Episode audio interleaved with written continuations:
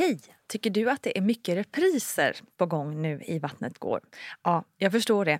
Det beror helt enkelt på att jag, Nina Campioni, just nu har en pop-up second hand i Modgallerian i Stockholm. Så min tid räcker helt enkelt inte tid att göra så många avsnitt som jag hade önskat. Men tills jag är tillbaka på full tid, kom gärna och hälsa på mig i Modgallerian. Vi ses! Varmt välkomna till ännu ett avsnitt av Gravidpodden Vattnet går med mig Nina Campioni. Jag har ju många, många, många, många gånger berättat hur glad jag blir över alla mejl och hälsningar som jag får om podden. Det gör ju inte mig bara glad att veta att ni uppskattar det jag gör men gör ju också att jag får en möjlighet att ta del av så otroligt många historier om människoöden. Och ett av dem är historien om Kalle. Kalles mamma Sanna Björn mejlade mig en dag och berättade att hon var en av dem som gått igenom en förlossning alldeles, alldeles för tidigt, alltså prematurt. Och kunde vi inte ta upp också detta i podden, undrade hon.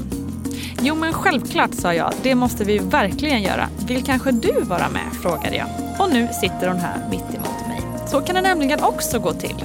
Om ni vill komma i kontakt med mig så gör du det allra enklast via Instagram. Nu är det dags att lyssna till Sanna Björn från Boråstrakten. Och med oss i programmet har vi också som vanligt barnmorskan Gudrun Abascal. Nu kör vi!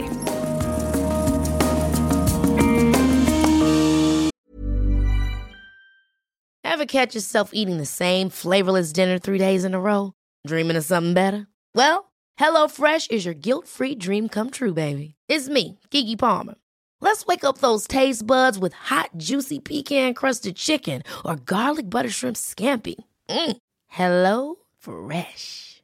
Stop dreaming of all the delicious possibilities and dig in at HelloFresh.com. Let's get this dinner party started. One size fits all seems like a good idea for clothes until you try them on. Same goes for healthcare. That's why United Healthcare offers flexible, budget friendly coverage for medical, vision, dental, and more. Learn more at uh1.com. Ready to pop the question? The jewelers at Bluenile.com have got sparkle down to a science with beautiful lab grown diamonds worthy of your most brilliant moments. Their lab grown diamonds are independently graded and guaranteed identical to natural diamonds, and they're ready to ship to your door. Go to Bluenile.com and use promo code LISTEN to get $50 off your purchase of $500 or more. That's code LISTEN at Bluenile.com for $50 off. Bluenile.com code LISTEN.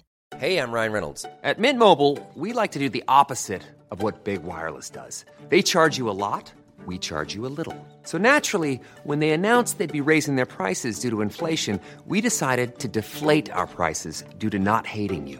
That's right. We're cutting the price of Mint Unlimited from $30 a month to just $15 a month. Give it a try at mintmobile.com slash switch. $45 upfront for three months plus taxes and fees. Promote for new customers for limited time. Unlimited more than 40 gigabytes per month. Slows. Full terms at mintmobile.com. Du har ju två barn. Ja. Hur, vi kommer ju mest prata om Kalle, eh, känns det som, i det här programmet. Men vi måste ju såklart eh, prata lite om hur, hur det hela började. Hur, hur planerade var Hanna och Kalle? Hanna var väl eh, väldigt planerad. Jag slutade med p-pillerna i september och i december så, så hade vi henne på tråden. Eh, så det var väl väldigt planerat och eh, chockartat för att det gick så fort. Mm. Man tror ju aldrig det den där Nej. första gången på något vis. Det var väl roligt och skräckblandad förtjusning. Vi hade precis köpt hus också. så det var mycket på en gång. Mm. Mm. Och Kalle? Kalle var eh, också planerad, men eh, var väl helst tänkt att komma i... Vi tänkte för oss väl typ, om man fick välja, oktober, november någon gång. Eh, men där tog det sig på första försöket. Ja. Ja, så att... Eh, Ni är kompatibla helt enkelt? ja, vi är väldigt kompatibla. ja, nej, han var väldigt efterlängtad. Var han. Eh, samtidigt som ja, det är en sån här gräns när, när och hur ska tvåan komma. Ja, Lite men så. det kan vi också prata om. För det funderar jag på och de flesta andra tror jag som tänker att man ska ha syskon och så. Hur lång tid ska det vara emellan och vad är optimalt och sådär. Hur tänkte ni där? Vi tänkte nog att det är lika bra att köra på när man ändå var inne i den här sömnbristen, småbarn, blöjor. Så att man aldrig kom ur det och kände att vad skönt och lugnt det är nu. Lät så här rutinerat trots att ni inte var det. Liksom. ja, men precis. För hur gammal var stora syster då? När... Hon var ett år och tre mån fyra månader. Mm. Ja, eftersom det tog sig så fort så skulle ju Kalle i princip ha kommit på Hannas tvåårsdag. Ja, just det. Mm. Eh, så det var väl det enda vi sa att nej, inte samma Inte dag. samma dag. Nej. Men eh, hur har du mått som gravid då? Jag har aldrig kräkts, men jag har mått jättedåligt och varit liksom bara allmänt upp och ner i kroppen första, säg 20 veckorna. Säg 15-20 veckor. Ehm, så då kommer jag ihåg att jag pendlade med, busspendlade med Hanna när jag var gravid med henne. Och det var inte roligt att åka buss tidigt på morgonen. Nej, men det funkade ju fint. Och sen när väl magen kom och man började känna henne och sådär så mådde jag super. Liksom inga problem, ingenting. Det bara, jag kunde leva som vanligt fast man hade den här bollen i vägen. Mm. Skönt. Mm. Men Kalle var det... Ja, men där var det nog lite längre att jag mådde dåligt. Det var nog fram till vecka 20, 22, 23 någonting. Som jag tyckte det var ruskigt jobbigt. Och sen eh, vände det en dag som jag bara kände att åh, wow, nu, nu har det vänt. Och eh, dagen efter fick jag verkar. Ja, gud. Det är helt otroligt. Man tänker Ja. att nu, nu kommer jag ha det som förra graviditeten och kunna liksom njuta Ja. lite och må bra. Precis, det var Så det jag blir det hade sett fram emot. vändning. Liksom. Mm. Ja, så är det. Vi ska gå in på det djupare förstås. Mm. Eh, Jag tänker ändå att vi, vi måste ju, eftersom du har fått två barn, Mm. så måste vi prata om eh, Hannas förlossning också. Mm. Ehm, Såklart. Ja, jag gick åtta dagar över tiden. Mm. Gjorde jag. Och eh, alltså när man tänker tillbaks på det så var det som att ja, men det, här, det här kände jag att någonting var på gång. Mm. Men eh, det gör man ju inte när man väl är i det. Men det var också så här att det var en jättevarm dag. Augusti var så himla varmt eh, 2015. Eh, och Hanna var beräknad i slutet där. Och det var så varmt, så varmt. Så en eftermiddag så sa jag till min, min kille Andreas att nej, nu gör vi någonting. Nu måste vi få igång det här. eh, så vi packade in oss i bilen och åkte till ett eh, friluftsområde och var ute och gick. Ja, när vi hade gått de här tre, fyra kilometrarna så kände jag att ja, jag får nog sätta mig ner lite nu, för nu började det liksom lite mala. Eller det här molande verken fick jag ner i ryggen. Och då tog min sambo och så sprang han runt eh, sjön som vi gick vid. Det var fem kilometer. Så när han kom tillbaka så var det lite så här, ja det är nog någonting på gång här. så då åkte vi hem och sen eh, ja, vid sex, sju tiden så kände vi att nu, nu har det startat liksom. Så nu är det igång. Eh, och min eh, barnmorska hade sagt att hon låg väldigt långt ner. Så att hon sa att när du har när det går 15 minuter mellan eh, verkarna så bör du ringa in och varna dem. Okej. För det kan gå väldigt fort. Ja. Så det gjorde jag och då var det sådär, det vanliga svaret, ja men ta en dusch och två Alvedon och en Ipren. Ja. Eh, och så ringer du när det inte står ut så kommer du in bara. Mm. Ehm, och vid två-tiden på natten där så då gick det inte mer. Nej. Då var det bara att åka de här 25-30 minuterna till sjukhuset. Mm. Eh, men det var så roligt för det också så här, det var väldigt dimmigt och sådär. Så jag sa det till Andreas hela tiden, nu kör du försiktigt, du får inte köra för fort. Ta det lugnt. väldigt medveten i det här mellan, eh, mellanperioderna när det inte gjorde ont. Ja. Jag måste bara fråga där, med tanke på att din barnmorska hade sagt då att om du känner si så så ska Mm. du ringa in. Vad, det brydde de sig inte om på BB där eller? Nej, de tyckte väl att ja, men du är förstagångsföderska just det. och sådär. Så att det kommer nog ta tid, Mm, menade okej. de på. Ja. Ja, Okej, så det man vet ju inte vad man ska, Nej, vad man ska tro nej, när det det väl sätter igång första Nej. gången. eh, nej, och sen kom vi dit och då var det ju undersökning och sådär. Och då var jag öppen fyra centimeter. Mm. Eh, så då fick vi ju stanna kvar. Jag tror inte de hade skickat hem oss heller. Men det kändes bra i alla Mm. fall att de sa det. För den rädslan fanns ju också. Såklart. Men det gick, eh, det gick bra och sen eh, jag kommer ihåg att det, jag badade först men det pallade jag inte med för mer än i 20 minuter för det var var jättevarmt och jag bara svettades och tyckte det var jättejobbigt. Kunde inte hantera det för fem öre. Ehm, och sen, eh, då hade vi lustgas också. Eh, eller vi, jag hade och Andreas fick prova såklart. Eh, satt i ett litet rus där. Ehm, och det var, det var väldigt jobbigt för de hade satt väldigt mycket lustgas. Så att det var väldigt högt. Så att jag blev rätt så snurrig i Ja. badet. Det var nog också en anledning till att jag inte ville sitta kvar där. Eh. Men sen så funkade det väl jättebra med lustgasen. Eh, Jag hade fruktansvärt ont. Men eh, jag gick in och ur i någon slags sömnvila. Andreas har inte öppnat ögonen på två timmar. och Bara liksom var där i något rus. Eh, Men sen, eh, ja, nej, sen så vid tio tiden så kom hon ut. Och vi hade, fick lite sån här um, verkstimulerande. För att Okej. det, jag blev väldigt trött och hon var väldigt trött. Hennes hjärtljud gick ner. Ja. Ehm, så det fick vi. Uh, fick jag en sån dropp och sen så typ flög hon ut på två krystverk. ja, det var konstigt för det kändes verkligen som att hon, hon flög ut Ja. verkligen. Ehm, så det var ju en jätte, jätte, jättekonstig och jätteutomjordisk upplevelse verkligen. Eh, så häftigt. Hur var känslan när du såg henne?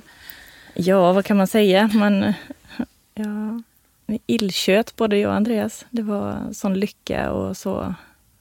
Ja, var en konstig känsla och, och mäktigt. Och så är man ju så adrenalinstinn så man vet ju knappt vad man ska ta vägen. Liksom. Bara hålla i det här lilla knytet som bara ligger och gnyr. Det var ju superhäftigt verkligen.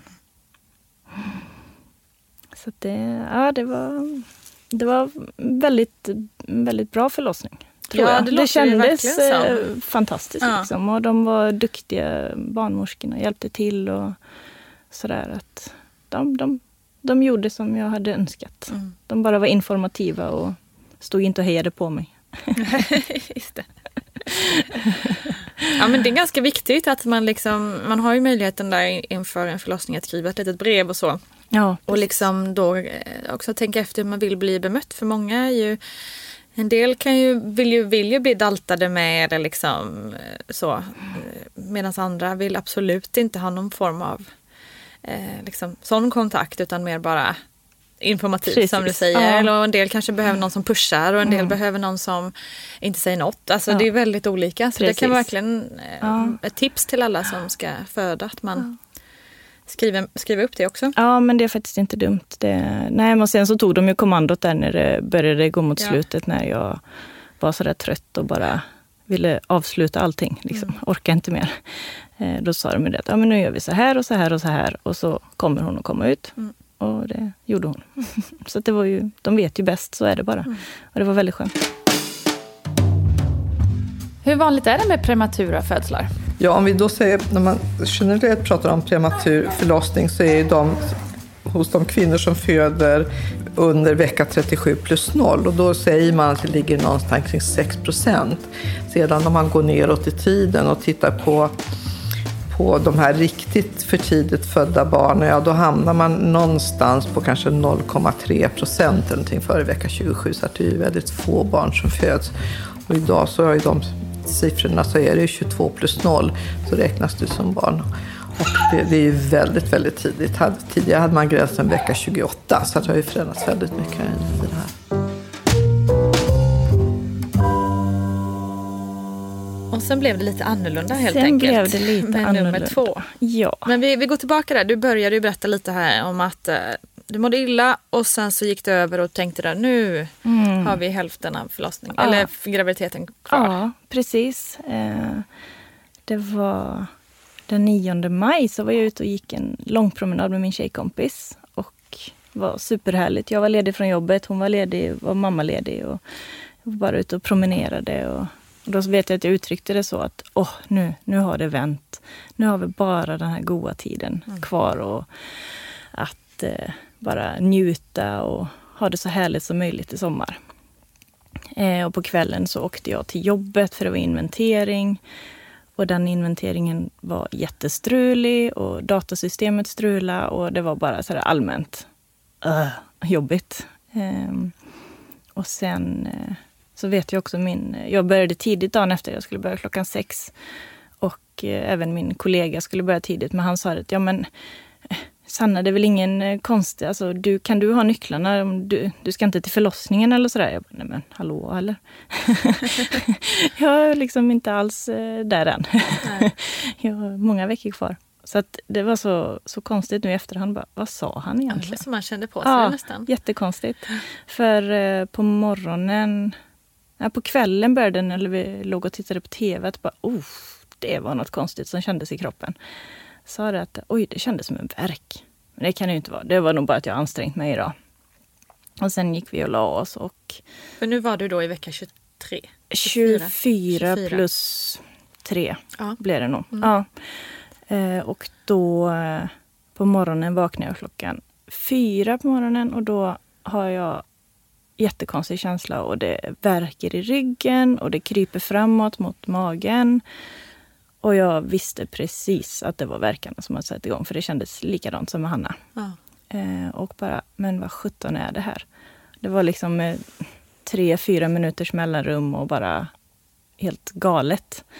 Eh, och mitt i detta skräck, i detta skräckscenario så bara finner jag mig och ringer till förlossningen och bara jag tror att verkarna har börjat. Eh, och jag är bara i vecka 24 liksom. Mm. så då sa de också det ta två Ipren, en Alvedon och så okay. gå och lägg dig igen. Och har det inte gått över på en halvtimme så kommer du. Okay.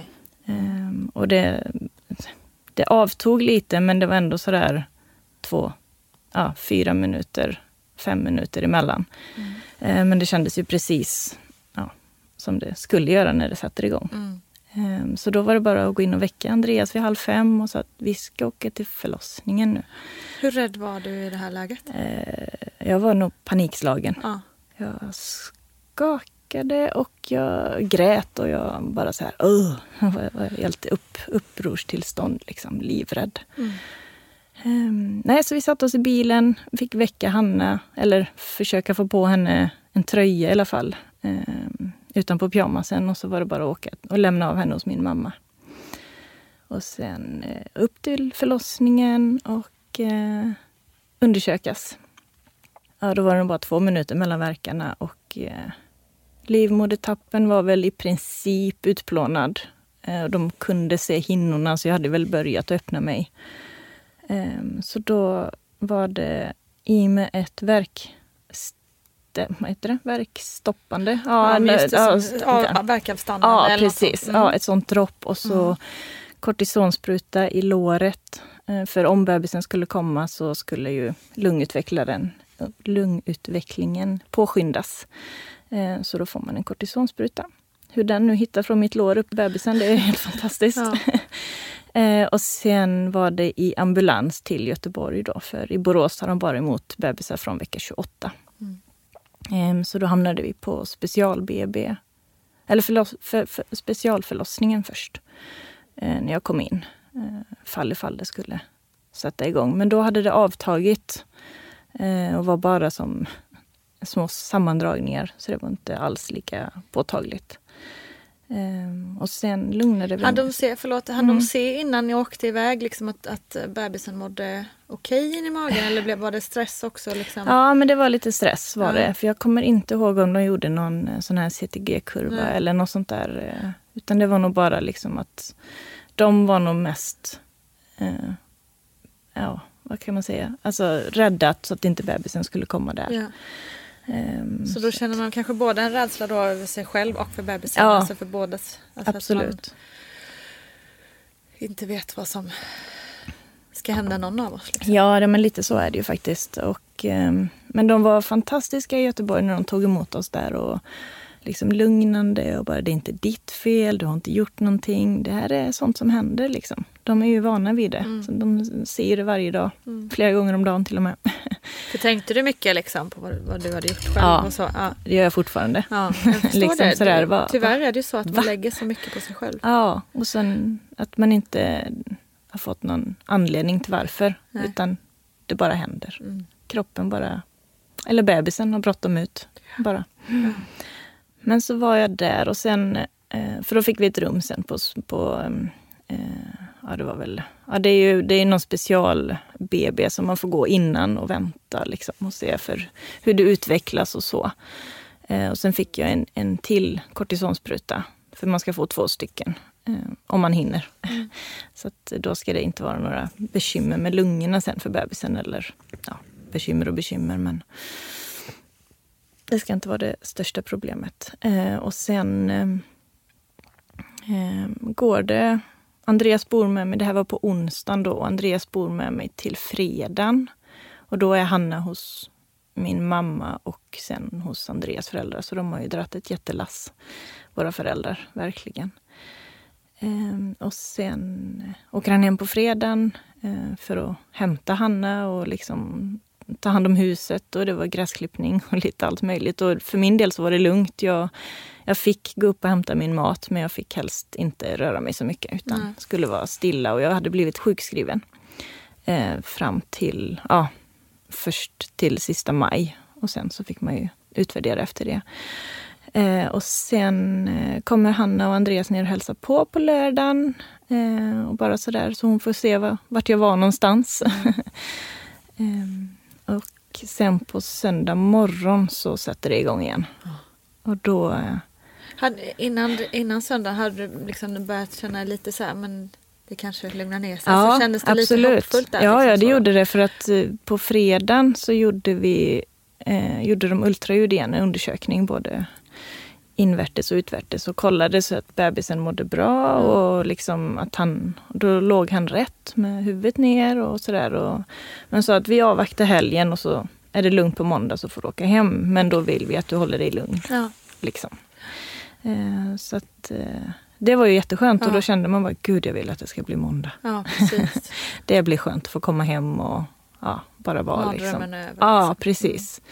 Eh, då hade jag även pratat med min barnmorska också. Hon sa att ja, men det är så hemskt men det är nog säkert bara ett, ett falskt alarm. Eh, och ibland så brukar det vara så att kommer ett falskt alarm så många gånger kan man få sätta igång de här personerna i vecka 42. Ja, just det. bara, ja, ja, ja, kul. men eh, på söndagen så drog det igång igen vid tio och då var ju inte Andreas med mig utan då fick jag ju ringa till honom. Och då var ju han en timme bort ungefär. Men då var han och Hanna på väg till lekplatsen och fick bara vända och hon blev superledsen och ville inte gå hem. Och, eh, sådär var ju, fick han ju bara åka och lämna av henne hos sin mamma och pappa. Eh, och sen kom han ner. Och, och, under den tiden innan han kom så hade jag haft en CTG-kurva för att mäta verkintensiteten och ha koll på hur bebisen mådde så den rörde sig. Och, så där och efter det testet, det tog väl 45 minuter, då var det stilla och lugnt igen. Så när Andreas kom så var det inga känningar alls. Eh, men då, hade jag också, då fick jag en, en spruta med Bricanyl, eller en spruta, jag fick någon, ja, någonting. Men jag fick i alla fall Bricanyl för att det skulle också vara lite värkhämmande. Mm. Och då vet jag, jag fick såna himla hjärtklappningar. Och det var så jobbigt. Eh, att det bara satte igång och bankade till hela kroppen. Eh, men sen var det lugnt. Och vid sex, sju igen så drog det igång också igen då. Eh, för sista gången visade det sig. Mm. Då var det först 20 minuter mellan och sen så efter den första timmen så var det fem minuter mellan verkarna. Och eh, då var, kom det in en läkare som sa att ja, jag ser ju på dig att du har ont så nu gör vi ett, ett nytt ultraljud och kollar och sådär, ser hur det ser ut liksom. Um, och då såg hon ju det att då hade han ju vänt på sig så rumpan var ju neråt igen. Eh, och, eh, men livmodertappen var inte påverkad den här gången. Okay. Eh, utan som hon sa, hade jag bara sett det rent medicinskt ja. så hade det här inte varit någonting, ett falskt larm liksom. Men jag ser ju hur ont du har så att, och du har ju varit med om det innan. Så att det, det, vi tar ut honom. Liksom. Vi mm. gör ett, ett snitt, ett akutsnitt på dig. Mm. Eh, och det är ju en jättekonstig upplevelse det där. Hur man förbereds inför någonting och inte är eh, mentalt förberedd liksom. Mm. Um, ja. och den, eh, det gick så himla fort med. Från det att hon sa att nej men nu, nu blir det ett akut kejsarsnitt så tog det en timme och sen var han ute. Um, mm. Och det var ju också en jättekonstig upplevelse när man ser sig själv. Det kändes som att jag såg mig själv på film. Mm. Um, uppifrån liksom och när man ligger där på, på operationsbordet och så. Så att eh, det var mm, mäkta häftigt kanske man inte ska säga men ja, jag såg det i alla fall uppifrån. Sen så är man så jag var så medveten om allt som hände runt omkring och sen hade jag en fantastisk sköterska som satt jämte mig och bara sådär pratade lugnt och fint och berättade vad de gjorde och sådär. Och, eh, och att ja, nu ska detta ske. Och sen, ja, hon var fantastisk verkligen. Ett mm. stort stöd. Um, för mitt i allt det här så har jag inte en aning om var Andreas befann sig. Men han satt bara precis bakom mig. men han hade jag ingen koll på.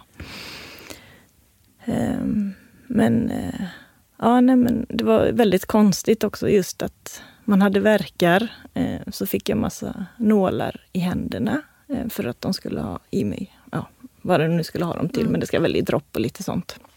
Um, och sen skulle man då lägga sig på det här bordet och ligga uppspänd som på ett kors.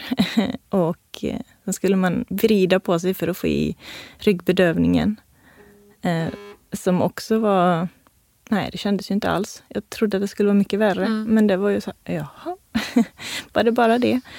Um, nej, och så ha verka samtidigt och sen sån här blodtrycksmanschett på som också stökade till det. Som var ju allmänt eh, ont på tre ställen samtidigt. Liksom. Men sen eh, när bedövningen tog så var det ju det är så konstigt när man bara är bortkopplad liksom, från bröstet och ner. Och bara känner ingenting. Um, och sen vet jag att den här stora lampan de har vid operationen, den speglade sig. Så att jag såg när de började och fixa och dona och skulle lägga snittet och sånt. Så då fick jag ju panik. Så det var ju bara så här, nu får ni ändra på den för jag vill inte se det här.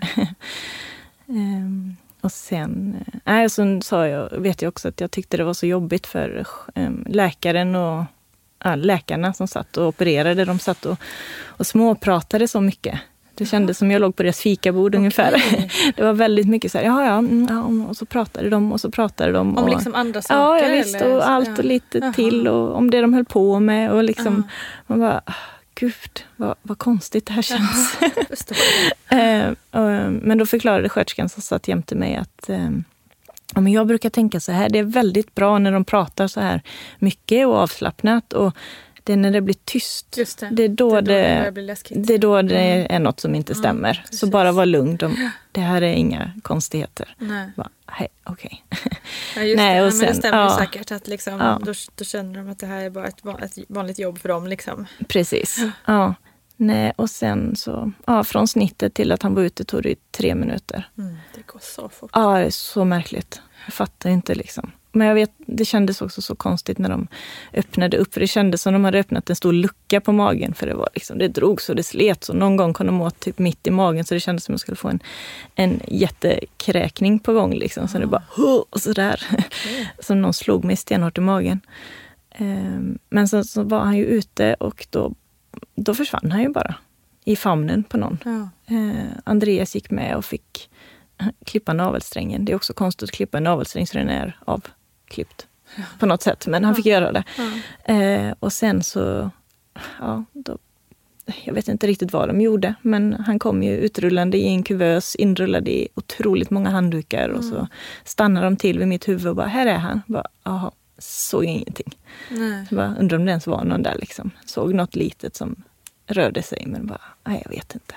Nej, så då försvann ju Andreas iväg med neonatalläkarna och sköterskorna. Och jag låg kvar och skulle efterarbetas. Mm. Um, jättekonstigt. Ja. ja, kändes det liksom? Att ja, inte få följa med? Nej, men jag vet inte riktigt. Det var nog bara, så var det. Ja. ja det är inte mycket att göra åt liksom här. Jag måste ju sys ihop. Jag kan inte, kan inte springa, springa runt här. eh, nej, och sen så träffade jag Andreas. Fick, förlåt, fick du någon status på hur, hur, hur Kalle mådde när han rullades iväg där? Eller det var... Jag tror det. Att jag typ sa att han är okej okay, eller ja. sådär. Ja. Han andas eller något sånt typ. eh, det är väl de här basala. Ja.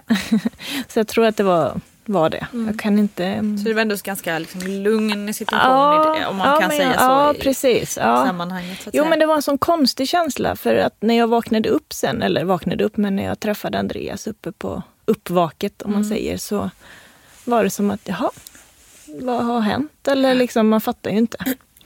fattade inte alls vad som hade hänt och ehm, det var... Nej, jag var så nöjd för jag fick en isglass och att den, var, den var god och att jag inte... Ja, att jag fick behålla den liksom. Och sen så um, skulle vi ju få ett rum nere på BB. Men då fanns det inga rum lediga så när vi rullades ner till något rum så hamnade vi i något som, ja det var nog något gammalt, gammalt rum. För det fick i princip plats med en sjuksäng. Eh, Andreas fick sitta på en liten pinnstol. Eh, och eh, det var såna här glasmontrar i rummet med massa gamla eh, sjukhusinstrument. Okej. Alltså vi, vi sa, ja, nu hamnar vi i museirummet. Det var ju spännande liksom. Eh, klockan ett på natten. Eh, väldigt konstigt och jag tror jag slumrade någon gång sådär. Men vid fyra så fanns det ett rum ledigt till oss på Ja. BB.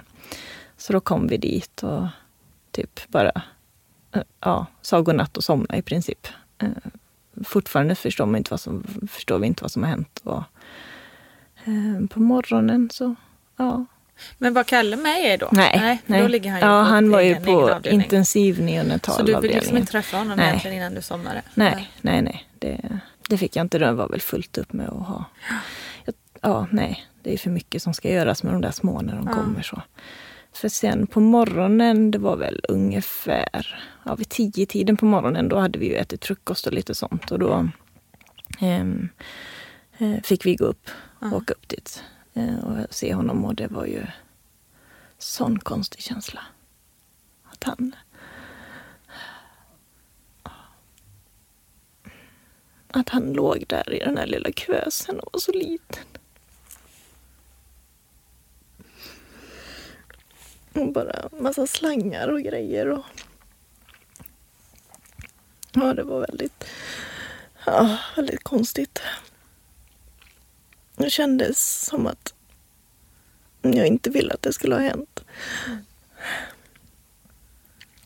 Jag ville liksom bara åka därifrån. Ehm. Men sen, ehm, ja, vi var där nog bara uppe i någon timme och sen ehm, ja, rullade vi ner och ja, Andreas fick köra runt mig i en rullstol den dagen för jag var riktigt trött och sliten. Ehm, Men sen gick vi upp på eftermiddagen och då fick vi ju eh, ta ut honom ur kuvösen så han fick ehm, ligga på vårt, vårt bröst. Ah. Och det var ju fantastiskt och jättekonstigt. Och, ja, vad ska man säga? Det var också en väldigt eh, fantastisk känsla. Trots att man inte kände av att han låg där. Han var ju bara 730 gram. Eh, Så det var liksom eh, ja, en jättekonstig känsla verkligen. Mm. Men de sa att han mådde bra och han eh, klarade sig väldigt bra utan för mycket syrgas. Han hade en sån här liten CPAP som det heter, en liten maskin som eh, ner luft i lungorna så att inte lungorna ska klabba, klabba ihop. Um, för de är ju så pass underutvecklade så att de kan ju inte fungera riktigt själva. Um, och om man säger, han låg på 25-30 procent syrgas och i den vanliga luften som vi andas är det 21 procent. Så att det var ju inte mycket alls. Um, så att den där kortisonsprutorna hade gjort uh, underverk för hans lungor. Mm. Och det var, var verkligen en, en stark liten kille har vi ju kommit fram till att han är. Han, eh, det är inte mycket som, eh, som eh, tynger honom eller som gör han svag, utan han, han kämpar på. Och det är skönt. Nej, de kommande dagarna så var ju allt upp och ner. Eh, vi bodde lite här och lite där. De tre första dagarna bodde vi nog på BB. Eh, vilken var en jättekonstig känsla för alla andra som bodde där hade ju sina bebisar med Ja. sig. och där gick vi runt bara helt utan och fattade liksom inte riktigt. Men det tänk, har jag tänkt på så himla mycket. Liksom just den, hur, det, hur det känns att liksom inte få hålla sin bebis Mm. eh, 24 timmar och- eller, eller åka hem utan sin bebis. Alltså, Det måste ju Ja. vara liksom som att hela kroppen skriker att nej det här är liksom inte, det här är liksom inte... Nej, det är inte, Alltså- inte rätt. Nej. Nej, det är, det är en jättekonstig känsla men det är så konstigt för man bara finner sig i det. Ja. Det är, Ja, samtidigt måste man ju acceptera det Ja, såklart. ja det, det är lite sådär som min eh, systers arbetskompis sa, att man bara man går in i något så här leoninne-mode. Ja. Liksom. Man bara bryr sig om sina barn och sen allt annat stängs ut. Och, Ja. ja. man, man glömmer liksom bort allt annat. Man är i den här lilla bubblan fram och tillbaka mellan sjukhus. Och vi fick ju möjligheten att bo på Ronald McDonald hus nere i Göteborg som var största räddningen. För där hade man sitt rum, man hade kök och kunde, alltså, man skötte sig själv. Och sen fanns det andra i samma sits eller i andra situationer. Men alla var där på, på grund av att barnen var sjuka. Ja. Liksom. Ehm, Fick stora syster vara med då Mm. Hon För- kom ner ja. efter... Ja, jag fick ju inte lyfta ordentligt, eller sådär. får man ju inte göra när man har eh, blivit snittad. Så att, eh, jag tror att hon kom ner strax innan, innan midsommar. Tror jag det var. Så det var väl en fyra veckor efter Kalle var född ungefär. Eh, fast hon var nere och hälsade på med min mamma två veckor efter. Eh, För då hade vi planerat att vi skulle ha takbyte hemma. Så då var Andreas hemma i fem dagar och la om taket. Härligt. ja. Men hur har den grejen varit? För tänker liksom just Nej, att det är ju det barn värsta. innan. Och, värsta. Och, ja. som finns. eh, Och inte ha henne nära liksom. Mm. Och kanske känna att man inte räcker till. Ja, liksom, eller precis. Hur ska du... Ja, Det kan nej. ju omöjligt liksom, vara Nej. där för Nej, på samma sätt precis. som man hade velat. Jättekonstigt. Är det inte jobbigt nog med Ja. att få två Ja. barn eller liksom få en eh, Precis. till vad jag kan tänka. Alltså, den där tvåbarnschocken har ju kommit nu, typ ett år senare. Att, Ja. åh herregud, vilken otillräcklighetskänsla man har ständigt och dåligt samvete för att man inte kan finnas för båda två exakt samtidigt Ja. hela tiden. Ehm. Men det var väldigt tufft. Mm. Var det. Sen var det ju underbart att hon kom ner för hon trivdes så himla bra. Eh, och tyckte det var jättespännande att gå till sjukhuset. Och, eh, var väldigt fascinerad av, kanske inte av Kalle i, i sig, men just att, eh, att det hade kommit ett liten, en liten människa till. Och, sen var det mycket roligare att prata med sköterskorna och, och sådär. Så att, eh, för den delen så hon har ju trivts jättebra. Hon har aldrig tyckt det var otäckt att gå till sjukhuset eller någonting. Nu är det liksom tvärtom. Hon blir ledsen om inte hon får följa med när vi ska på kontroll med Kalle eller sådär. Så att, eh, hon har bara bra minnen om det. Och Ronald McDonald hus är ju guld. Det är ju gjort för barn och syskon. Det är fantastiskt. Så det får man ju säga är en, en bra grej som finns. Fantastiskt. Verkligen. Ja. Eh, nej, men eh, nej, vart, vart var vi någonstans där? Eh, Ja, ni hade precis fått flytta dit. Ja, precis. Och, eh, ja, fick gå fram och tillbaka. ja och liksom precis. Mm. Ja, jo, det var ju det. Vi var fyra timmar på förmiddagen, fyra timmar på eftermiddagen hos Kalle. Vi gick eh, omlott, jag och Andreas i princip. Mm. När han låg på intensiven så kunde vi ju vara ifrån där. Då, behövde ju, då var det ju sköterskor som tog hand om honom eh, när inte vi var där. Men, eh, så att då kunde vi ju äta frukost och, och middag och kvällsmat ihop. Liksom. Så att det var ju, var ju väldigt bra. Att få några timmar ihop som familj också. Liksom. Eh, och inte bara hela tiden så, dela på oss. Så det var jätteskönt. Ehm, och sen tror jag det gick, gick det kanske tre eller fyra veckor där efter han var född så ehm, eh, blev han dålig. Eller, ja, han behövde mer syrgas och sådär. För det finns ett litet kärl eh, mellan, ja, det sitter uppe vid hjärtat, eh, duktuskärlet kallar de det ungefär. Eh, och eh, det är som en, foster, en fosterförbindelse. Ehm, den eh, är, eh, den är öppen så länge barnet ligger i mammas mage. För att som mamma sköter man ju syresätta blodet åt bebisen. Men när den kommer ut och ska stå på egna ben så ska det här kärlet sluta sig så att den syresätter sig själv med bra blod. Men så länge duktusen är öppen så kan det komma in dåligt blod om man säger, som inte är väl syresatt. I lungorna då, så pratar vi. Eh, och eh, den slöt sig aldrig för Kalle, utan eh, den var öppen och de hörde blåsljud och sådär. Och det är väldigt vanligt på prematurer att de, eh, eh, att de får operera det. Eh, och det fick de ju göra för han blev väldigt dålig. Han tappade syresättningen jättemycket. Någon gång när jag hade ute han så var han bara på, då föll han ner på 9% i syresättningen. Och då blev han lila grå eh, när han låg på, på bröstet. Så det var ju eh, skräck i sig. Men samtidigt så bara, ja, jag kan inte göra någonting. Eller liksom, det, det är ju så.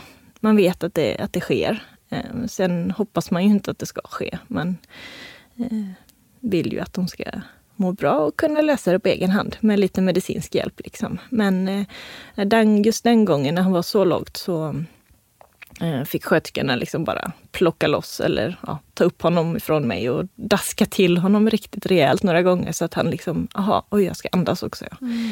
Ehm, sådär. Ehm, och lägga honom i kuvösen igen och sen fick han ju ligga och vila resten av dagen. Men eh, då bestämde vi att nu, nu behöver vi göra någonting. Mm. Ehm, så då så skulle de operera han. men sen då, då det bestämde de samma dag att i eftermiddag gör vi det. Så då kom vi upp dit och skulle bara titta till honom innan de rullade iväg honom. Men då så hade de tagit ett spontaninfektionstest och då visade sig att han hade en infektion i kroppen.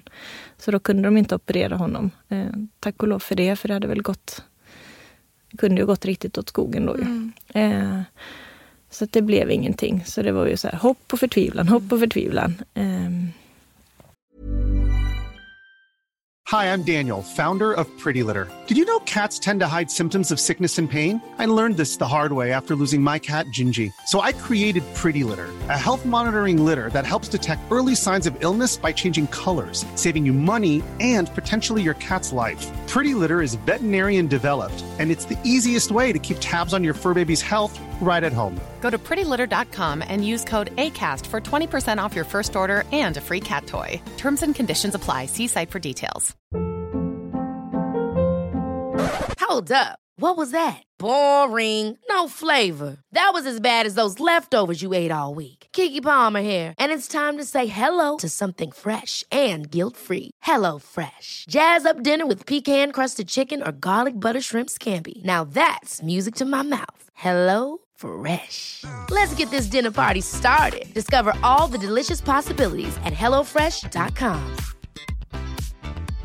This is Paige, the co-host of Giggly Squad, and I want to tell you about a company that I've been loving, Olive and June. Olive and June gives you everything that you need for a salon quality manicure in one box. And if you break it down, it really comes out to $2 a manicure, which is absolutely insane. It's also so easy to get salon worthy nails at home with Olive and June. The difference between how your nails used to look when you did them yourself and now with the Manny system is a complete game changer. The best thing about Olive and June too is it's a quick dry, dries in about one minute, lasts for five days, and full coverage in up to one to two coats. Visit oliveandjune.com slash perfectmanny20 for 20% off your first system. That's oliveandjune.com slash perfectmanny20 for 20% off your first system system.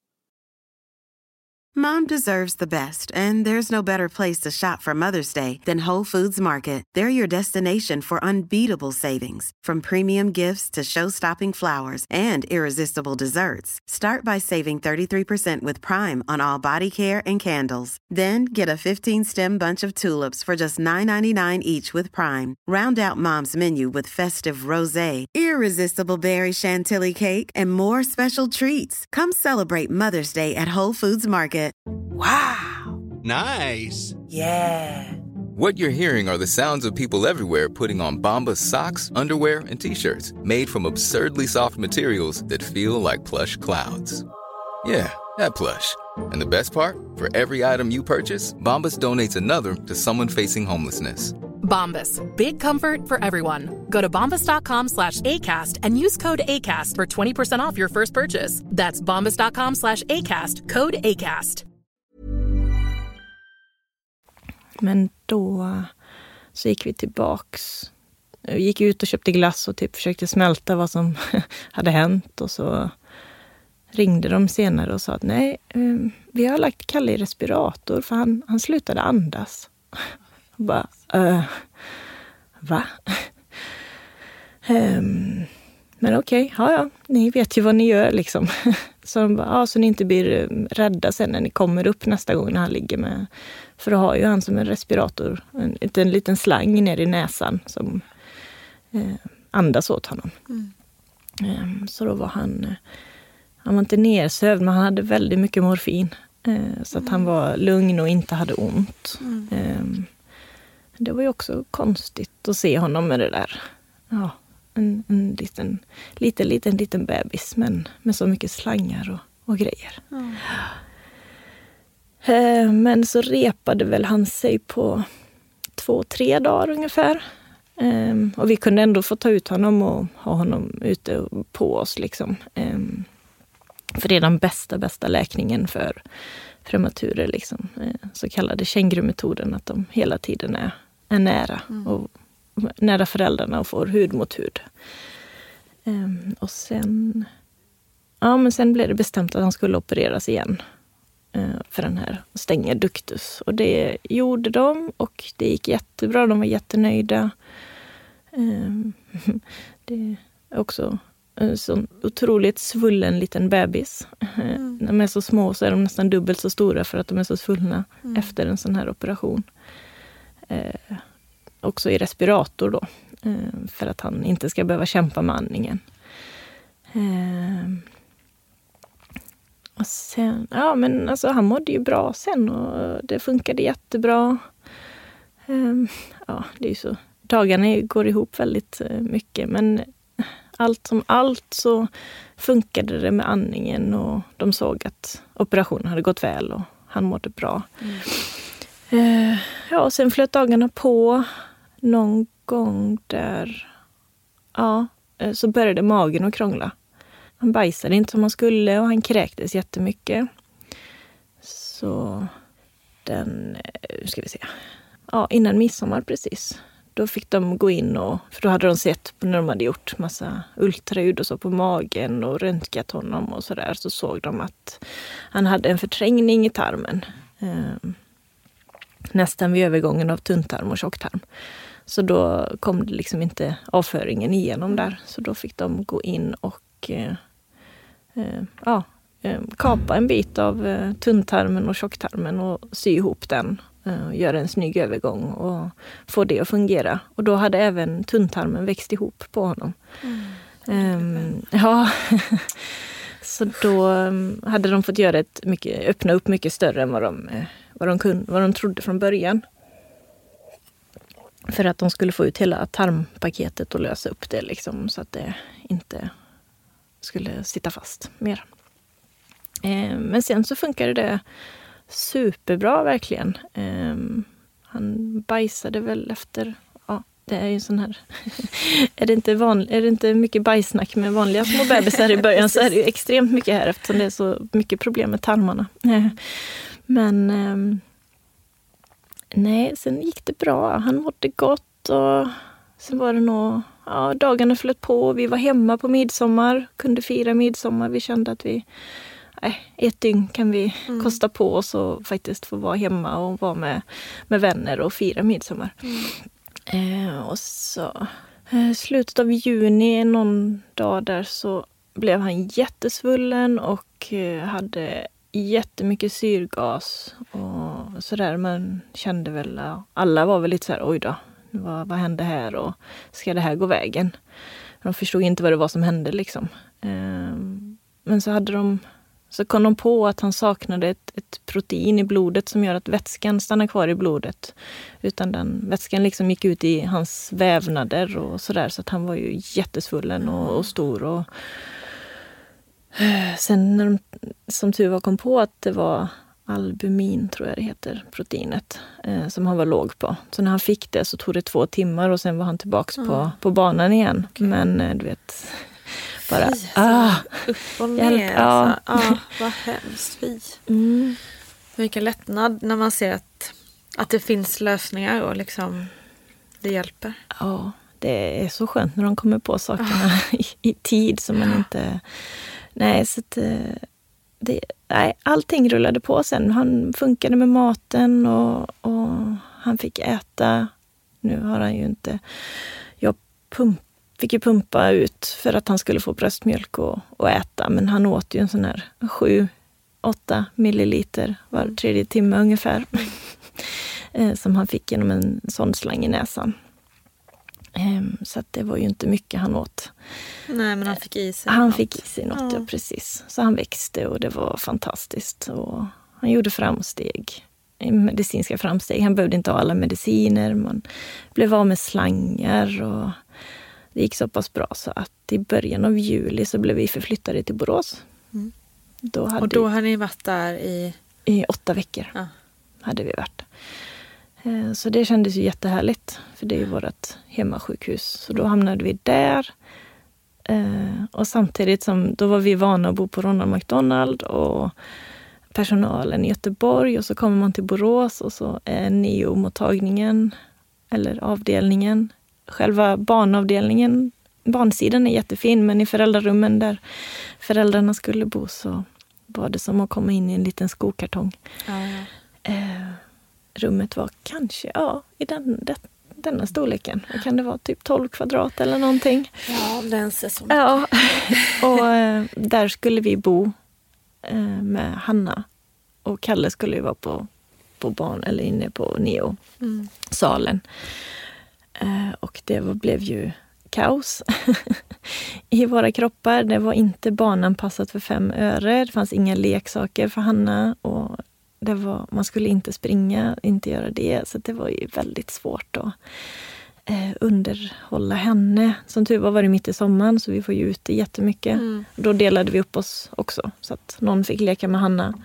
Och jag fick, eller Andreas fick vara med Kalle. Eh, så det gjorde vi. Eh, men även där så efter några dagar så fick vi ha Kalle på rummet och sköta honom själv. Eh, på dag, dagtid och så på kvällarna så rullade vi in honom på salen igen. Eh, Men det var jätte, kändes jättebra. Det var ju lite nervöst. Men eh, det är klart att man vet ju hur man ska ta hand om sitt barn även fast det är med extra många slangar och sådär. Eh, Men sen så var någon dag så började han bli svullen igen och hans mage såg ut som den hade liksom, det var så mycket ådringar på den så det såg ut som träd, ett trädverk liksom. Eh, och man såg att han började må dåligt och han kräktes så fort han fick mat och det, blev, det körde ihop sig. liksom. Ehm, och när de i Borås hade gjort vad de kunnat med, med allt vad som heter lavemang. Jag tror vi har gett Kalle, kan han ha fått, en 2000 lavemang eller någonting säkert. och eh, allt för att få igång magen och hjälpa den. Eh, men till slut så tog de beslut i Borås då efter två veckor att nej, nu, nu kan vi inte göra något mer. Så då åkte vi tillbaka till Göteborg. Eh, blev inlagda där. Ehm, men då kom vi, ja, första dygnet kom vi på neo. Om man säger den vanliga neo-avdelningen. Eh, men sen så när vi blev ett, ett fall för kirurgerna så hamnade vi på kirurgernas barnavdelning. Eh, för då behövdes det opereras igen i magen. Tarmarna Ja, igen, liksom. yes. Eh, kopplingen som de hade gjort hade inte hållit så bra. Eh, så det hade blivit en, en, knick där igen. Mm. Eh, plus då, som de såg, så hade ju tarmarna växt ihop igen. Det är en väldigt stor risk när de är så såriga och Ja. eh, det är så mycket ärrvävnad på dem. Så eh, det gjordes och då fick han även, då la de även upp så det blev en stomi. Mm. Ehm, Så han fick en, en liten fin påse med nallar på, hade han Mm. på magen. eh, när vi träffade honom efter den operationen. Och det var ju också så här, jaha, hur ska man nu sköta det här? Och, Men hur nervös liksom, och, och stressad blir man inför en eh, operation? Liksom? nej, men det är ju verkligen vidrigt. Ja. Eh, men samtidigt så man kan inte göra någonting. Nej. Mer än att bara lita på att de, de gör ju vad de kan. Mm. Och, och de är fantastiska. Eh, det är liksom... Nej, det, det, får man ju bara gilla läget. Liksom. Jag tror vi var ute och gick väldigt mycket med Hanna och sen passade vi på liksom, att ge henne all uppmärksamhet Mm. hon kunde få liksom, Mm. för att vi inte skulle tänka för mycket på det också. Det. Så hon har ju varit räddningen i detta, liksom, att man inte har ja, hela tiden varit fokuserad på och orolig, utan att man får ju faktiskt finnas i stunden med henne. Och hon är en liten galenpanna så man måste skratta och, och så åt henne för att hon är superrolig. Så det har ju ja, det har räddat mig jättemycket. Jättehärligt. Ehm, så att eh, efter den operationen så, det var i början av augusti, så då, ja men då funkade det jättebra. Sen fick han ju en infektion Mm. i, i sin stomiknopp. Så då var det det som Ja. bråkade. Eh, för då kom, då kom ju inte bajset ut den vägen, så då kom den genom munnen istället. Mm. Det var också väldigt konstigt. Eh, att det, ja, nej usch, det är så mycket som... Ingenting som eh, förvånar, om man säger så. Nej, det, det. vad som helst kan hända. Mm. Det är inte, inte mycket som eh, stör oss nu för tiden när det gäller det där. Eh, och i slutet av augusti så fick han upp, göra en liten laseroperation för sitt vänsteröga. Ehm, för att det var ja, på grund av syrebrist, eller syr, syrgasen eh, och att de utsätts för ljus mycket tidigare än vad de ska så kan synen bli påverkad och ögon, alltså synnerverna kan växa lite fel och sådär. Så det är så de hade hänt på ena ögat. Så då fick de operera det. Ja, det gick, eh, gick jättebra. Han har inte haft några problem med sina ögon så efter den operationen så är det bara tipptopp med ögonen och det är jätteskönt. Eh, Och sen så var det ju Det måste vara så skönt att bara så här få checka av Ja. också. Tänker jag liksom bara, okej, ögonen, nu funkar de. Ja. Perfekt, då kan vi liksom släppa den. Ja, och bara ta liksom organ för organ. Ja, men lite så. Eh, för sen efter, ja men det är ju verkligen så, för det var ju väldigt mycket i början, de gjorde ultraljud på både hjärna och hjärta varannan dag typ. Mm. Eh, för i början är det ju väldigt kritiskt att de lätt får hjärnblödningar och sådär. Men peppa peppa, det har han klarat sig utan och det är väldigt skönt. Mm. Eh, så hjärnan är ju intakt. Mm. Hjärtat är det nu efter operationen. Eh, så det, är- det är tarmarna Ja. som bråkar. Ja. Mm. Det, det är ju sånt, det kommer han få ha ett bra Det är tag. fortfarande Liksom. känsligt Ja, det är väldigt, liksom. väldigt känsligt. Mm. Det kämpar vi fortfarande med att det ska funka. Liksom. Mm. Mm. Eh, men så blev det den 29 september och då fick vi komma hem. Går det att beskriva den känslan? Eh, ja, det var... Vi var nog både livrädda och eh, överlyckliga, typ. Mm.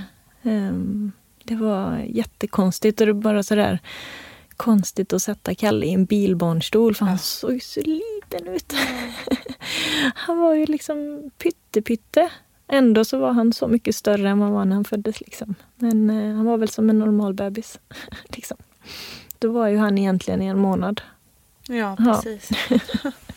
Bara det är ju Gulligt. konstigt. Mm. Så att, eh, ja. Den dagen var fantastisk. Eh, och man bara njöt av att få ha med honom. Eh, och så. Sen eh, har han ju haft lite problem med, sin, med, med mat och sådär. Liksom han, han äter inte, åt inte själv alls i början utan då fick han ju matdropp. Eh, så det var som en, en liten pump som var kopplad till hans sondslang som pumpade in mat dygnet runt. Mm. Eh, på så vis väldigt enkelt att ha att göra med, bara lätt att ta med honom Ja, och aldrig precis. behöva fundera på hur han skulle äta eller Nej. sådär. Eh, Men det var ju för att tarmarna var så påverkade så de ville ta det väldigt lugnt och försiktigt. Eh, nej, så att eh, ja. Vi kämpar fortfarande med tillväxt och Hur gammal är han mat. idag? Idag är han eh, 11 och en halv månad. Mm. Om man ska gå från när han föddes och Mm. korrigerat så är han väl... Ja, han är nio månader. Vad kan vara den utlösande faktorn till att eh, man får ett prematurt? Ja, ska man titta på statistiken så, så kan man säga att ja, många gånger så vet man ju inte vad det är. Men de gånger som man vet, och den vanligaste idag som vi pratar om, det är ju att det uppstår en infektion som gör att, att kroppen reagerar med, med att starta igång förlossningen. Att vattnet går till exempel, det vet vi ju inte heller. Är det, ibland så är det att det är en infektion som gör att, att fostervattnet avgår men ibland inte. Men infektion det är i alla fall den, den grupp som vi är säkrast på. Sen kan det vara att liv, själva halsen att den är försvagad av någon anledning. Eh, till exempel att kvinnan har gjort en konisering eller någonting så. Har man fött ett barn för tidigt så är sannolikheten eh, lite större att man gör det även med, nä med, nästa barn kan ju vara bra att veta också. Sen pratar man om att man har någon blödning och då vet man inte om det är blödningen i sig eller den stress som kroppen hamnar i för att det blir en blödning.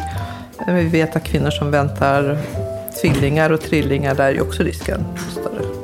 Röker man så ökar ju risken och det är ju så, rökning det ställer ju till vilka komplikationer som helst, så kan man säga. Och eh, sen stress också faktiskt, alltså väldigt mycket psykisk stress kan man också säga att, att kan vara en anledning.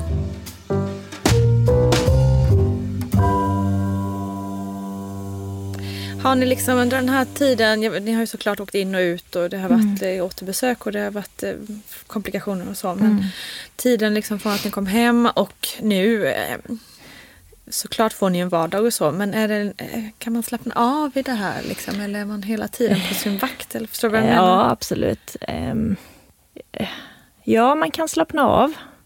Men hittills när vi har gjort det mm. så har han hittat på bus. Så det har gått typ två månader och vi känt att åh, skönt. Och så har han hittat på något bus. Alltså han fått en jättesvår luftvägsinfektion i höstas. Så vi blev eh, inlagda i fyra dygn. Mm. De trodde att först att det var RS men det var det inte som tur var. Han har ju fått även sprutor för att motverka RS. Mm. Eh, vilket är väldigt fint och skönt. eh, nej, och sen eh, så var vi ju tillbaks i januari igen för att lägga ner stomin. Så då var vi på sjukhus igen. Då var han ju kvar i tre veckor. Mm. Och det var ju väldigt... Eh, alltså, man är ju supernervös för en sån sak. För kommer det att funka denna gången? Kommer tarmarna att jobba med varandra? Mm. Även denna gången var de ju ihopväxta, tunntarmarna. Eh, så att det är... Eh, ja, en bråkig mage och varje gång det bråkar minsta lilla att han inte har bajsat på en dag så är jag livrädd att det har hänt klart. något sånt igen. Men eh, det går framåt.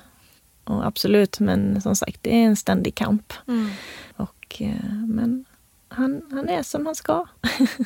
ja, vad säger de om framtiden och så? Kommer han liksom bli eh, knäppt uttryckt, men liksom en vanlig kille. Ja, alltså. det kommer han att bli. Ja. Eh, de säger att det tar, eller de, men det tar ungefär en två, tre, fyra år så är han ikapp sig. Mm. Och, det är fantastiskt. Ja, det är det verkligen. Och när man väl har ut, eller nu när vi har gått igenom det här och man träffar andra eller andra har fått höra hur man har det eller sådär, så är det så många som bara, ja ah, men titta den här pojken eller den här mm. flickan, de är fem år, de föddes också ungefär i den åldern eller de är 16 nu och mm. inga problem. Och det är ehm, Nej, det, det kommer ju att bli bra. Mm. Han, eh, han har bara fått en jäkligt tuff startsträcka. Mm. Och ni också. Ja, absolut. Har ni fått någon hjälp med det mentala? Mm. Jag, eh, jag går hos en psykolog som är fantastisk som jag har fått eh, hjälp av så med, som är från barn och mödravård. Mm. Eh, ja, hon är barn och mödrapsykolog. Fantastisk. Som hjälper mig att bena ut och vissa känslor och mm. ja, men, gå igenom allt, hela registret. Liksom. För det måste ju också extra, efter, vi var inne på det i början där, liksom, mm. när man inte har någon förklaring till varför ja. det blir som det blir. Ja. Och man dels liksom blamar sig själv helt i onödan och också det är ju alltid enklare att komma över saker om det finns en tydlig förklaring till ett, ett skeende. Ja. Det måste vara jättetufft. Ja, det, är, ehm, det har varit jättetufft men på något sätt sådär som nu är det, nu är det så här det blev. Mm. Uh, och ja, deal with it. Mm. Det är liksom mm. så. Det, det, mm. kommer ingen att kunna förklara för dig. Att uh, det var så här eller det var så här. Eh, jag vet när de skulle st- stänga, laga mig igen efter de hade plockat ut Kalle så vet jag de pratade om att oj, här ser det lite konstigt ut på livmodern och, och moderkakan sådär. Så att, eh, jag hörde att de skulle skicka någonting på analys eller odling och sådär. Men jag har inte hört något efteråt så då var det väl ingenting, Nej. tänker jag. Ehm, så att eh, det är väl bara som sagt att han hade väldigt bråttom ut. Han Verkligen. ville inte hamna på Hannas födelsedag så han tog farfars istället. Men eh, ja, sånt är det. Mm. Mm. Och hur ser liksom vardagen ut idag då? Ja, det är ju mycket mediciner som han har. Han får ju medicin för sitt skelett. Mm. För det är ju... När de föds så tidigt så är det ju brosk i princip. Det är ju inget skelett. Så det får han ju hjälp med så att det ska utvecklas och bli starkt. Och som det ser ut nu så ska det väl inte vara så jättelång tid kvar med den medicinen och det är ju skönt. Mm. Sen har han problem med sin sköldkörtel. Så det får han eh, också en tablett om dagen för. Mm. Eh, Det kan han ha två år till eller livet ur. Vi vet inte riktigt. Det, men som vi sa, en tablett kan man ju ha. Så får han lite medicin för sin mage. Mm. Ehm, så att den ska vara snäll och att avföringen inte ska bli för hård. Mm. Ehm, ja, det är det. Och så lite multivitamindroppar och D-droppar och sånt där som han behöver för att bli extra stark. Ehm, och på natten så... åh, Ja, nej men nu har vi ju, han har ju haft matdropp på natten de senaste... Ja, sen han föddes i princip. Mm. Liksom. Ehm, men det har vi fått, tagit bort nu för att han ska liksom få signalera själv när han är hungrig och han äter ur flaskan och börjar få äta lite gröt och sådär. Så att eh, det, det går framåt. Två steg och sen så hittar han på någon bus och så går det bakåt igen. Eh, Men eh, det är väl så det är. Man får bara gilla läget och ta det väldigt, väldigt, väldigt försiktigt. Mm. Och det har jag jättesvårt för, för jag tycker inte... Jag tycker, ja, Det förstår jag.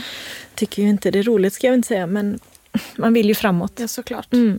Man längtar ju så efter att se de där framstegen. Ja. Så kan jag tänka mig. Precis. Man, man vill så mycket. Ja, jo, men också som jag sa, liksom, att jag njuter ju inte av den här bebistiden. Nej. Jag vill se när han börjar skolan. Det är där jag Ja, vill vara. Ja, För att, eh, då är det liksom, då ska det vara allt i sin ordning och oron ska liksom ha lättat. Mm. Eh, Men eh, nej, han är ju en superglad liten pojk. Mm. Och det är så härligt. Det, det skrattas och det händer grejer och sådär. Så att, eh, Vad säger stora syster nu då? Ja, men hon tycker det är underbart. Och hon är så, så gullig och eh, ja, det är nog inget som värmer hjärtat så mycket som att se syskonen leka eller skoja med varandra. Och det är ingen som får honom att skratta så som hon gör. Det, ja, Skönt. ja det, det är fantastiskt.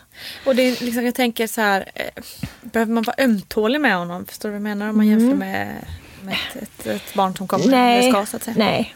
Inte, inte rent eh, kroppsligt Nej. liksom. Utan det är bara att man får tänka mycket på infektionsrisken. Ja, man ska, precis. vi har kanske haft med han i mataffären en gång. Ja. Eh, vi försöker. och- onödiga nej, nej, han är ju väldigt infektionskänslig har vi ju Mm. märkt. Han blir förkyld jättelätt. Och, ja, hela familjen åkte på magsjuka för några veckor sedan och han blev inlagd på grund av det. Ja, Så att det. det. det är eh, tufft. Ja. Men eh, allting blir bättre nu när det blir varmare och Mm. man kan vara ute mer. Och han stortrivs ute och är jätteintresserad av allt vad han ser ifrån vagnen. Mm. Eh, så att det, det, det är liksom... Det går åt rätt håll. Ja. Mm, gör det. Vilken kämpe du är av Kalle och hela familjen. Helt fantastiskt. Ja, det är ju det.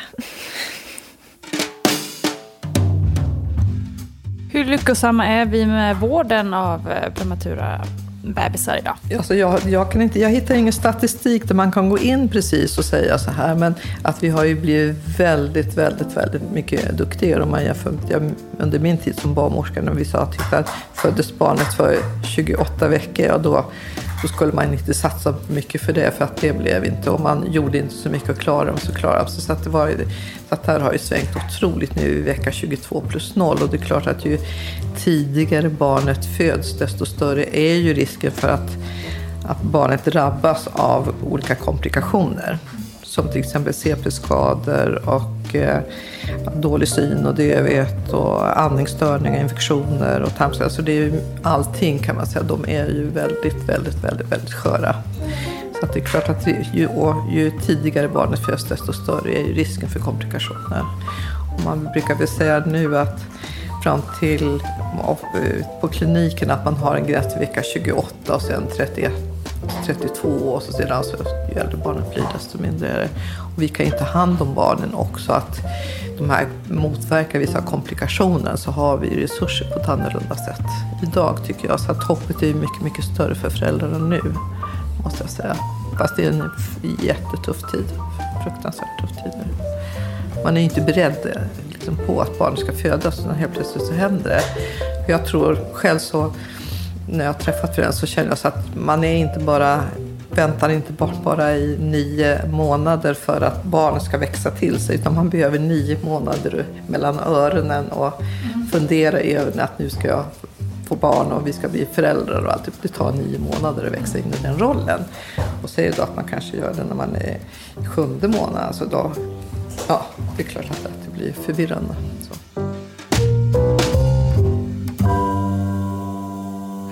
Vad skulle du, har du något att säga till någon som eh, liksom är orolig för det här med prematur eller eh, kanske själv har, ligger på neonatal nu med sin lilla bebis? Ja, oh, herregud. Um, det blir bättre. Mm. Även om det är rent ut sagt ett helvete det man går igenom. Så uh, ja, det blir bättre och ja, försök och skriv dagbok. Mm. Det är det absolut bästa tipset. Mm. Det har vi gjort och det har varit jättebra. Det är nog bra, väldigt bra för mm. läkningen mm. efteråt. Mm. Jag märker också när du berättar att du kommer ihåg väldigt mycket liksom, ja. både detaljer och allt om det medicinska. Och så. Ja. Det, det, går ju annars väldigt lätt i, ihop. Ja, men absolut. Allting. Ja, jag har faktiskt också mm, bett om att få hans journal också. Mm. Det är också väldigt bra. Och även om man inte förstår allt vad som står, men man får ett hum om när det hände, hur det var och mm. vilka läkare man har pratat med framför allt. Och det har varit, det har varit en jättebra läkning för min del. Mm. Mm. Det är också tips eh, om bara man gått igenom en förlossning. Eh, att läsa sin journal i efterhand. För att förstå vad som faktiskt hände. För man, man, är, man är inte helt med i alla lägen. Nej. Det kan vara väldigt skönt efteråt. Ja, verkligen. Det har varit... Eh, ja, nej men det, det är absolut... Det blir bättre och så ljuset i tunneln kommer. Mm. Mm. Ja, det ska bli spännande att följa Kalles väg, mm. fortsätta väg och eran. Ja. Stort tack för att du ville dela med dig. Ja, tack så mycket Nina. Tusen, tusen tack Sanna för att vi fick vara med och lyssna till din och Kalles långa och känslosamma resa. Det är helt otroligt vad livet kan ge en ändå. Tack kära lyssnare för att du är med mig här i podden och glöm inte Instagram, Vattnet går heter det även där. Kram, hej! Hej, Nina här. Livet som småbarnsförälder är oftast fullt av frågor och knepiga situationer. Därför vill jag verkligen tipsa om podden Pampers barnvagnspromenader där jag är programledare och tar upp föräldrars frågor om barn upp till tre år. Till min hjälp har jag den legitimerade psykoterapeuten och barnmorskan Louise Hallin. Missa inte detta. Sök på Pampers barnvagnspromenader i din podcast-app.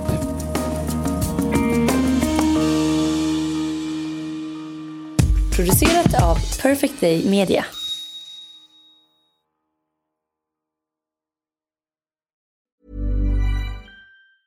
Ever catch yourself eating the same flavorless dinner three days in a row? Dreaming of something better? Well, Hello Fresh is your guilt-free dream come true, baby. It's me, Gigi Palmer. Let's wake up those taste buds with hot, juicy pecan-crusted chicken or garlic butter shrimp scampi. Mm. Hello Fresh. Stop dreaming of all the delicious possibilities and dig in at HelloFresh.com. Let's get this dinner party started. Mom deserves the best, and there's no better place to shop for Mother's Day than Whole Foods Market. They're your destination for unbeatable savings, from premium gifts to show-stopping flowers and irresistible desserts. Start by saving 33% with Prime on all body care and candles. Then get a 15-stem bunch of tulips for just $9.99 each with Prime. Round out Mom's menu with festive rosé, irresistible berry chantilly cake, and more special treats. Come celebrate Mother's Day at Whole Foods Market. Imagine the softest sheets you've ever felt. Now imagine them getting even softer over time. That's what you'll feel with Bowl and Branch's organic cotton sheets. In a recent customer survey, 96% replied that Bowl and Branch sheets get softer with every wash. Start getting your best night's sleep in these sheets that get softer and softer for years to come. Try their sheets with a 30-night guarantee. Plus, get 15% off your first order at bowlandbranch.com. Code BUTTERY. Exclusions apply. See site for details. Hey, it's Paige DeSorbo from Giggly Squad. High quality fashion without the price tag. Say hello to Quince. I'm snagging high-end essentials like cozy cashmere sweaters, sleek leather jackets, fine jewelry, and so much more. With Quince being 50 to 80% less than similar brands. And they partner with factories that prioritize safe, ethical, and responsible manufacturing. I love that. Luxury quality within reach. Go to quince.com slash style to get free shipping and 365 day returns on your next order. Quince.com slash style.